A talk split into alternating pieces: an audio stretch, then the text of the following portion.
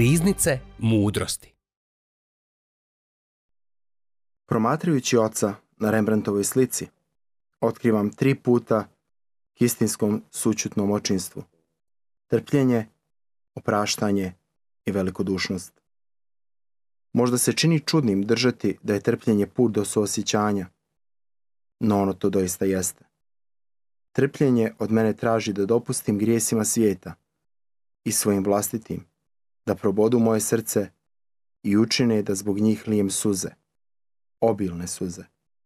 Ako to ne mogu biti suze koje teku iz mojih očiju, one bare moraju izvirati iz mojega srca. Kad pomislim na beskrajnu samovolju Božje djece, našu požudu, našu pohlepu, naše nasilje, našu srđbu i našu zlovolju, i kada sve to gledam očima Božjeg srca, mogu samo plakati i jecati od žalosti. Pogledaj, dušo moja, kako jedno ljudsko biće nastoji drugom nanijeti što je moguće više boli. Pogledaj te ljude koji snuju kako će naškoditi svojim bližnjima. Pogledajte roditelje koji zlostavljaju svoju djecu. Pogledaj ovog zemljoposjednika kako iskorištava svoje radnike. Pogledaj one silovane žene, zlostavljane muževe, napuštenu djecu. Pogledaj dušo moja na svijet. Vidi koncentracijske logore, zatvore, prihvatne centre, bolnice i slušaj vapaj siromaha. Taj vapaj boli je molitva. Malo je ljudi koji tako vapiju. A trpljenje je stanje srca koje vidi grijeh svijeta i zna da je ono bolna cijena slobode bez koje ljubav ne može procvjetati počinjem shvaćati da je veliki dio molitve upravo u plaču i vapaju. Bol je toliko duboka, ne samo zbog toga što je ljudski grijeh velik, nego također i nada sve zbog toga što je božanska ljubav neizmjerna. Da bih postao poput oca, čiji je jedini autoritet sućut, moram proliti bezbroj suza, te tako pripraviti svoje srce da primi svakoga, bez obzira na put kojim je prošao i da mu oprosti od sveg srca. Drugi put koji vodi u duhovno očinstvo jest opraštanje. Samo neprestanim opraštanjem postajemo poput oca. Opraštanje koje dolazi iz srca teško je, vrlo teško, gotovo je nemoguće. Isus je govorio svojim učenicima, ako se brat tvoj sedam puta na dan ogriješi o tebe i sedam se puta obrati tebi govoreći žao mi je, oprosti mu. Često sam govorio, opraštam ti, ali dok sam izgovarao te riječi moje je srce ostajalo srdito ili zlovoljno. Još sam htio čuti kako mi govore da sam zapravo ipak ja bio u pravu. Još sam htio slušati isprike. Htio sam dobiti zadovoljštinu i za uzvrat biti pohvaljen, pa makar samo zato što sam tako blag. Ali Božje je opraštanje bezuvjetno ono dolazi iz srca koje ništa ne zahtjeva za sebe. Srca koje je posve čisto od svakog traženja sebe. To je ono božansko opraštanje kako se i od mene traži svakoga dana. Ono me poziva da se dignem iznad svih uvjeravanja koja tvrde da opraštanje nije ni mudro, ni zdravo i zapravo je nemoguće. Ono me izaziva da nadiđem sve svoje potrebe za zahvalnošću i pohvalama. Konačno, traži od mene da nadiđem onaj ranjeni dio srca koji se osjeća povrijeđenim i prevarenim i koji želi vladati i postaviti neke uvjete između mene i osobe koju sam pozvan uprostiti. Ovo nadilaženje je autentičan stav opraštanja. Možda je ono više prelaženje nego nadilaženje. Često se moram popeti preko zida dokaza i osjećanja ljutnje koje sam podigao između sebe i svih onih koje volim, a vrlo mi često ne uzvraćaju tu ljubav. To je zid straha da ću biti iskorišten ili nanovo povrijeđen. To je zid oholosti i želje da vladam. Ali svaki put kad uspijem prijeći preko tog zida, ulazim u dom u kojem prebiva otac i tamo dotičem svog bližnjeg istinskom sućutnom ljubavlju. Bol mi pomaže da vidim preko mojeg zida i shvatim neizmjerno trpljenje koje proizilazi iz ljudske izgubljenosti. Ona moje srce otvara za pravu solidarnost s mojom braćom i sestrama. Opraštanje je put koji mi omogućuje da prijeđem preko zida i druge primam u svoje srce ne očekujući ništa za uzrat. Samo tada, kada se sjetim da sam ljubljeno dijete, mogu one koji se žele vratiti primiti s istom sućuti kojom otac dočekuje mene. Treći put da postanem kao otac jest velikodušnost. U prispodobi otac ne samo da sinu koji ga napušta daje sve što ovaj od njega traži, već ga na povratku i obasiplje darovima. I svojim starijem sinu kaže sve što je moje, tvoje je. Otac ništa ne zadržava za sebe, on se posve oplijenio za svoje sinove. On ne daje samo više od onoga što bi bilo razumno, očekivati od nekoga tko je bio uvrijeđen. Ne. On daje cijelog sebe, bez pridržaja. Njegovi su sinovi za njega sve. U njih želi pretočiti svoj vlastiti život. Način na koji su mlađem sinu dani haljina, prsteni sandale – i njegov doček uz raskošnu gozbu te način na koji otac nagovara starijega sina da prihvati svoje jedinstveno mjesto u njegovu srcu i da se pridruži svojemu mlađem bratu za stolom, nedvojbeno pokazuju da su ovdje prijeđene sve granice patrijarhalnog ponašanja. Ovo nije slika nekog značajnog oca, to je portret Boga čija dobrota, ljubav, opraštanje, sućut, radost i milosrđe nemaju granica. Isus prikazuje Božju velikodušnost koristeći sve moguće slike koje mu je njegova kultura dopuštala i neprestano ih primjenjuje na drugi način. Da bih postao kao otac, moram biti velikodušan kao što je otac velikodušan. I kao što otac daje svojoj djeci samo svoje biće, ja moram davati samo svoje biće svojoj braći i sestrama. Isus jasno kaže da je upravo sebe darje oznaka pravog učenika. Veće ljubavi nitko nema od ove, da tko život svoj položi za svoje prijatelje. Davanje sebe jest napor, jer to nije nešto što dolazi samo od sebe. Za djecu tmine, koja upravljaju pomoću zastrašivanja, osobne koristi, požude i moći, veliki su poticatelji preživljavanja i samobrana. Ali ako smo djeca svjetla koja znaju da savršena ljubav izgoni sav strah, moguće je da drugima damo sve što imamo. Kao djeca svjetla, pripremamo se da postanemo pravi mučenici. Osobe koje cijelim svojim životom svjedoče Božju beskrajnu ljubav. Tako sve dati postaje sve steći. Isus to jasno izražava riječima, a tko izgubi život svoj poradi mene, spasit će ga. Svaki put kad načinim korak na putu velikodušnosti, znam da prelazim iz straha u ljubav. No ti su koraci bar u početku teški, jer me toliki osjećaj ispriječavaju da slobodno dajem. Ta zašto bih morao poklanjati svoju energiju, vrijeme, novac, pa čak i pozornost netkome tko me je uvrijedio. Zašto bih morao dijeliti svoj život s nekim ga nimalo ne cijeni. Mogao bih biti spreman oprostiti, ali dati povrh toga? Pa ipak, istina je u duhovnom smislu da onaj koji me je uvrijedio pripada mojoj obitelji, mojim genima. Francuska riječ, generosite, engleska, generosity, velikodušnost, plemenitost, uključuje pojam gen, koji također nalazimo u riječima genere, vrsta, oblik, generation, pokoljenje, rod, koljeno, pleme, rađanje i generative, mogućnost rađanja, stvaranja pokoljenja. Te kao i druge riječi potječu od latinske genus i od grčke genos i ne značuju pripadanje istoj vrsti. Stoga je generositas, generosite, generosity, dar koji dolazi iz spoznavanja te prisne veze. Prava velikodušnost utemeljena je na istini, a ne na dojmu da oni kojima opraštam pripadaju mojoj rodbini, mojoj obitelji.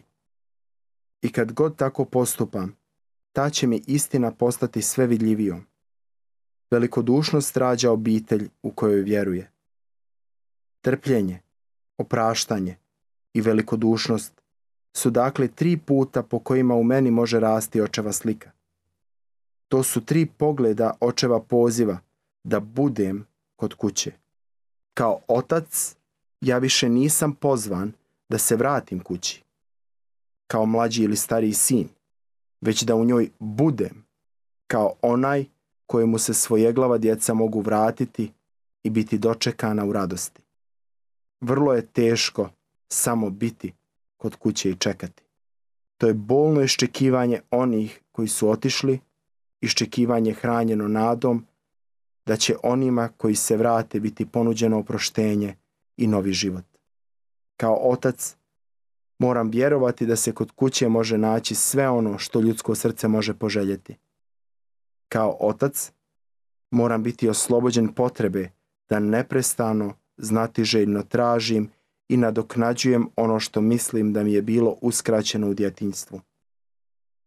Kao otac moram znati da je moja mladost doista završena i da je smiješno pokušavati izigravati mladića i time prikrivati istinu da sam star i sve bliže smrti. Kao otac moram se usuditi preuzeti odgovornost duhovno odrasle osobe i usuditi se vjerovati da prava radost i istinsko ispunjenje mogu doći samo iz primanja u dom onih koji su ranjeni na putu života, ljubeći ih ljubavlju koja niti traži, niti očekuje nešto za uzvrat. U tom duhovnom očinstvu postoji strašna praznina. Nema vlasti, nema uspjeha, nema popularnosti, nema lakog zadovoljstva ali ta ista zastrašujuća praznina. Ujedno je i mjesto istinske slobode. To je mjesto gdje se više nema što izgubiti, gdje ljubav nema zapreka i gdje je prava duhovna snaga. Svaki put kad u sebi dodirnem tu strašnu, ali plodnu prazninu, znam da mogu primiti bilo koga, bez osude i ponuditi nadu. Tu sam slobodan primati terete drugih, bez potrebe da ih procjenjujem, svrstavam ili analiziram. Tu, u tom stanju, bez ikakva prosuđivanja, mogu rađati povjerenje koje oslobađa. Posjetivši jednom umirućeg prijatelja, izravno sam iskusio tu prosvjećujuću prazninu. U njegovoj nazočnosti nisam osjetio želju da postavljam pitanja o prošlosti ili da nagađam u budućnosti. Bili smo jednostavno zajedno, bez straha, krivnje ili srama. Bez briga. U toj se praznini mogla osjetiti bezuvjetna Božja ljubav i mi smo mogli reći ono što je rekao starac Šimun, uzevši u svoje ruke dijete Isusa. Sad otpuštaš slugu svojega gospodaru po riječi svojoj u miru. Tu Usred užasne praznine vladali su potpuno povjerenje, potpuni mir i potpuna radost. Smrt više nije bila neprijateljica. Ljubav je slavila pobjedu. Svaki put kad dotaknemo tu svetu prazninu, ljubavi koja ništa ne zahtjeva, nebo i zemlja podrhtavaju od radosti Božjih anđela. To je radost sinova i kćeri koji se vraćaju. To je radost duhovnog očinstva. Življenje tog duhovnog očinstva zahtjeva radikalnu odluku ostanka kod kuće. Budući da sam osoba koja se ne prihvaća i koja uvijek traži potvrdu i ljubav, čini mi se nemogućim trajno voljeti, a ne tražiti nešto za uzvrat. No, ta odluka se sastoji upravo u tome da odustanem od želje da to postignem sam kao herojski pothvat. Da bih mogao prihvatiti duhovno očinstvo i autoritet sućuti koji mi pripada, moram dopustiti da se buntovni mlađi sin i zlovoljni stariji sin popnu na prijestolje kako bi primili milosrdnu i neuvjetovanu ljubav koju otac nudi i tu otkrili poziv da budu kod kuće, kao što je moj otac kod kuće. Samo će tako oba sina u meni biti postupno preobražena u sučutnog oca. Ta će me preobrazba dovesti do ispunjenja najdublje želje mojeg nemirnog srca. I doista, ima li veće radosti nego da pružim svoje umorne ruke da u blagoslovu počivaju na ramenima moje djece koja se vraćaju kući. Kada sam prvi put vidio Rembrandtovu reprodukciju krajem 1983. sva moja pozornost bijaše usmjerena na ruke staroga oca koji na svoje grudi privija sina povratnika. U njima sam vidio oproštenje, pomirenje, ozdravljenje. Vidio sam i sigurnost, odmor, ostanak kod kuće. Bio sam toliko duboko dirnut tom slikom oživljavajućeg zagrljaja oca i sina, jer je sve u mene čeznulo zatim da ja budem primljen onako kako je bio primljen i izgubljeni sin. Taj je susret bio početak mojeg vlastitog povratka. Zajednica Arka postupno je postala mojim domom. Nikad nisam ni sanjao da će mentalno prikraćeni muškarci i žene biti oni koji će na mene položiti svoje ruke u znak blagoslova i pružiti mi dom. Dugo sam vremena tražio sigurnost i spasenje među mudrima i učenima, jedva svjestan da je tajna kraljevstva objavljena malenima, da je Bog izabrao slabe svijeta da posrami jake. Ali iskusivši topao jednostavnom doček onih koji se nemaju čime hvaliti srdačan zagrlja ljudi koji nisu postavljali nikakva pitanja, počeo sam otkrivati da je istinski duhovni povratak kući, povratak siromasima u duhu kojima pripada kraljevstvo nebesko. Očev mi je zagrljaj postao vrlo stvaran u zagrljajima mentalno prikraćenih osoba. Činjenica da sam upravo u njihovoj zajednici prvi put vidio tu sliku omogućila mi je uspostaviti povezanost, duboko ukorijenjenu otajstvo našeg spasenja. To je veza između blagoslova Božijeg i blagoslova siromaha. U Arki sam otkrio da su ti blagoslovi zaista jedan. Nizozemski me majstor nije doveo samo u dodir s najdubljim težnjama mojega srca, već me istodobno doveo do otkrića da ih mogu ostvariti u onoj zajednici gdje sam ga prvi put susreo. Prošlo je više od šest godina od kako sam prvi put vidio Rembrandtovu reprodukciju u Troliju i više od pet godina od kako sam Arku odabrao za svoj dom. Dok sam razmišljao o tim godinama, uviđam da su mi hendikepirane osobe i njihovi pomoćnici pomogli da Rembrandtovu sliku živim, potpunije nego li sam mogao predvidjeti. Topao doček u nekoliko arkinih kuća i brojna slavlja koja sam s njima podijelio omogućili su mi da duboko doživim povratak mlađeg sina. Doček i slavlja doista su dvije glavne karakteristike života u arki. Tamo ima toliko znakova prihvaćanja, zagrljaja i poljubaca, pjesama, igrokaza i svečanih objeda da nekom promatraču Arka može izgledati kao doživotna proslava povratka kući. Proživio sam i priču starijega sina. Nisam zapravo ni vidio koliko stariji sin pripada Rembrandtovu izgubljenom sinu, dok nisam otišao u Sankt Petersburg i vidio cijelu sliku. Tamo sam otkrio napetost koju izaziva Rembrandt, nije tu samo svjetlom ispunjeno izmirenje između oca i mlađeg sina, već je tu i tamno, zlovoljno distanciranje starijega sina. Tu je i pokajanje, ali i srđba. Tu je zajedništvo, ali i odjeljenost.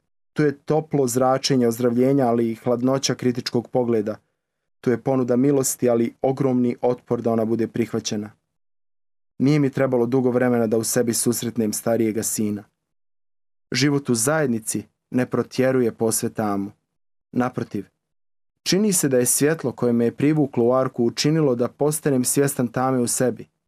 Ljubomora, srđba, osjećaj odbačenosti ili zanemarenosti, dojam da ovamo doista ne pripadam, sve to izronilo u kontekstu jedne zajednice koja se bori za život opraštanja, pomirenja i ozdravljenja. Život u zajednici otvorio me je za pravu duhovnu bitku. Nastojanje da nastavim hod prema svjetlosti baš kada je tama tako stvarna. Dok sam živio sam, bilo je prilično lako sakriti starijega sina od pogleda drugih, no dijeljenje života s ljudima koji ne skrivaju svoje osjećaje vrlo me je brzo suočilo sa starim sinom u meni. Malo je romantizma u zajedničkom životu. Tu je trajna potreba izlaska iz tame da se približi očevu zagrljaju. Osobe s hendikepom imaju malo što izgubiti bez imalo prijevare pokazuju metkosu. One otvoreno izražavaju svoju ljubav i svoje strahove, svoju ljubaznost i tjeskobu, svoju velikodušnost kao i svoju sebičnost. Budući da su jednostavno ono što jesu, one probijaju moje sofisticirane obrane, tražeći da ja budem s njima tako otvoren kao što su one sa mnom. Njihov hendikep otkriva moj vlastiti. Njihova tjeskoba odražava moju vlastitu. Njihova miranjivost pokazuje moju vlastitu. Prisilivši me da se suočim sa starijim sinom u sebi, Arka je otvorila put koji ga vodi kući. Iste one prikraćene osobe koje su me primile u dom i pozvale na slavlje, suočile su me s mojim ja, koji još nije bio obraćen. Posvijestile su mi da je moj put još daleko od svoga ispunjenja. I premda uviđam da su ta otkrića ostavila dubog trag na mojem životu, najveći je dar Arke izazov da postanem kao otac. Budući da sam bio stariji od većine članova zajednice, a k tome i njihov duhovnik, činilo se prirodnim da name gledaju kao na oca. Po svojem ređanju ja već nosim taj naslov. Sada moram po njemu i stvarno živjeti. Daleko je zahtjevnije postati ocem zajednice mentalno prihraćenih osoba i njihovih pomoćnika nego li se hrvati s borbama oko starijeg i mlađeg sina. Rembrandtov otac je otac iscrpljen trpljenjem, kroz brojne smrti koje je propatio. Postao je posve slobodan da prima i da daje. Njegove ispružene ruke ne prose, ne grabe, ne zahtijevaju, ne opominju, ne sude, ne osuđuju. To su ruke koje samo blagoslivlju, dajući sve, ne očekujući ništa. Sada sam suočen s teškom i čini se nemogućom zadaćom da se odreknem djeteta u sebi. Pavao jasno kaže, kad bijah nejače, govorah kao nejače, mišljah kao nejače, rasuđivah kao nejače. A kad postadoh zreo čovjek, odbacih ono nejačko. Ugodno je biti svojeglavi mlađi sin ili srditi stariji sin. Naša je zajednica puna svojeglave i srdite djece, a kada si okružen sebi jednakima stvara se osjećaj solidarnosti. No što više postajem dijelom te zajednice, ta mi se solidarnost više čini malom postajom na putu prema još osamljenijem odredištvu, prema osamljenosti oca, osamljenosti Boga, konačnoj osamljenosti sućuti. Zajednica ne treba još jednog izgubljenog ili još jednog starijeg sina, obraćenog ili ne, nego oca koji živi s ispruženim rukama, uvijek željan da ih položi na ramena svoje djece. Pa ipak, sve se u meni opire tom pozivu. Ja se i dalje oslanjam na dijete u sebi, ne želim biti napola slijep, želim jasno vidjeti što se događa oko mene. Ne želim čekati da se moja djeca vrate kući. Želim biti s njima tamo gdje ona jesu, u tuđoj zemlji ili na farmi među slugama. Ne želim šutjeti onome što se dogodilo. Znatiželjan sam čuti čitavu priču i moram postaviti mnoštvo pitanja. Ne želim trajno pružati ruke kada ima tako malo ljudi koji žele biti zagrljeni. Osobito kad su očevi ili oni koji se drže očevima po mišljenju mnogih izvor njihovih problema. Pa ipak, nakon što sam dugo živio kao sin, sada sigurno znam da je moj pravi poziv postati ocem koji samo blagoslivlje u beskrajnom milosrđu. Ne postavljajući pitanja, uvijek dajući i opraštajući, nikada ništa ne očekujući za uzvrat. U zajednici je sve to često potresno stvarno. Želim znati što se događa. Želim biti uključen u svakodnevne uspone i padove ljudskih života. Želim biti upamćen, pozivan, obaviješten. No činjenica je da rijetki prepoznaju moju želju, a i oni ne znaju kako odgovoriti na nju. Moji ljudi, prikraćeni ili ne, ne traže sebi slična ili prijatelja za igru pa niti drugog brata. Oni traže oca koji ih može blagosloviti i oprostiti im, a da ih pritom ne treba onako kao što oni trebaju njega. Ja jasno vidim istinitost svojeg poziva da budem otac, ali mi se istodobno čini gotovo nemoguće slijediti ga. Ja ne želim ostajati kod kuće dok svi izlaze, bilo da ih tjeraju njihove brojne želje ili brojne srđbe. Ja osjećam iste takve impulse i želim pobjeći, kako to i drugi čine. Ali tko će biti kod kuće kad se oni vrate? Umorni, iscrpljeni, uzbuđeni, razočarani, grešni ili posramljeni. Ko će ih uvjeriti da nakon svega što je rečeno i učinjeno, postoji sigurno mjesto na kojem se mogu vratiti i biti dočekani sa zagrljajem? Ako to ne budem ja, tko će onda biti? Radost očinstva posve je različita od zadovoljstva svoje glave djece. To je radost iznad odbačenosti i samoće, da, čak i iznad potvrđivanja sebe i zajednice. To je radost očinstva koje svoje ime dobiva od nebeskoga oca i sudjeluje u njegovoj božanskoj osamljenosti. Kada sam prije četiri godine otišao u Sankt Petersburg da bih vidio Rembrandtov povratak izgubljenog sina, nisam ni slutio da ću morati živjeti ono što sam tada vidio. Osjećam strahopoštovanje prema mjestu na koje me je Rembrandt doveo. Vodio me od klečećeg, neurednog, mladog čovjeka do prignuta starog oca, od mjesta na kojemu se prima blagoslov do mjesta na kojemu se blagoslivlje i dok promatram svoje ostarele ruke, znam da su mi dane da budu pružene prema svima koji trpe, da počivaju na ramenima svih onih koji dolaze, a nada sve da daju blagoslov koji izranja iz neizmjernosti Božje ljubavi. Hvala vam što ste slušali današnju emisiju. Kontaktirajte nas putem našeg e-maila putpravednosti.bih ili putem naše Facebook stranice Put pravednosti. Do sljedećeg slušanja.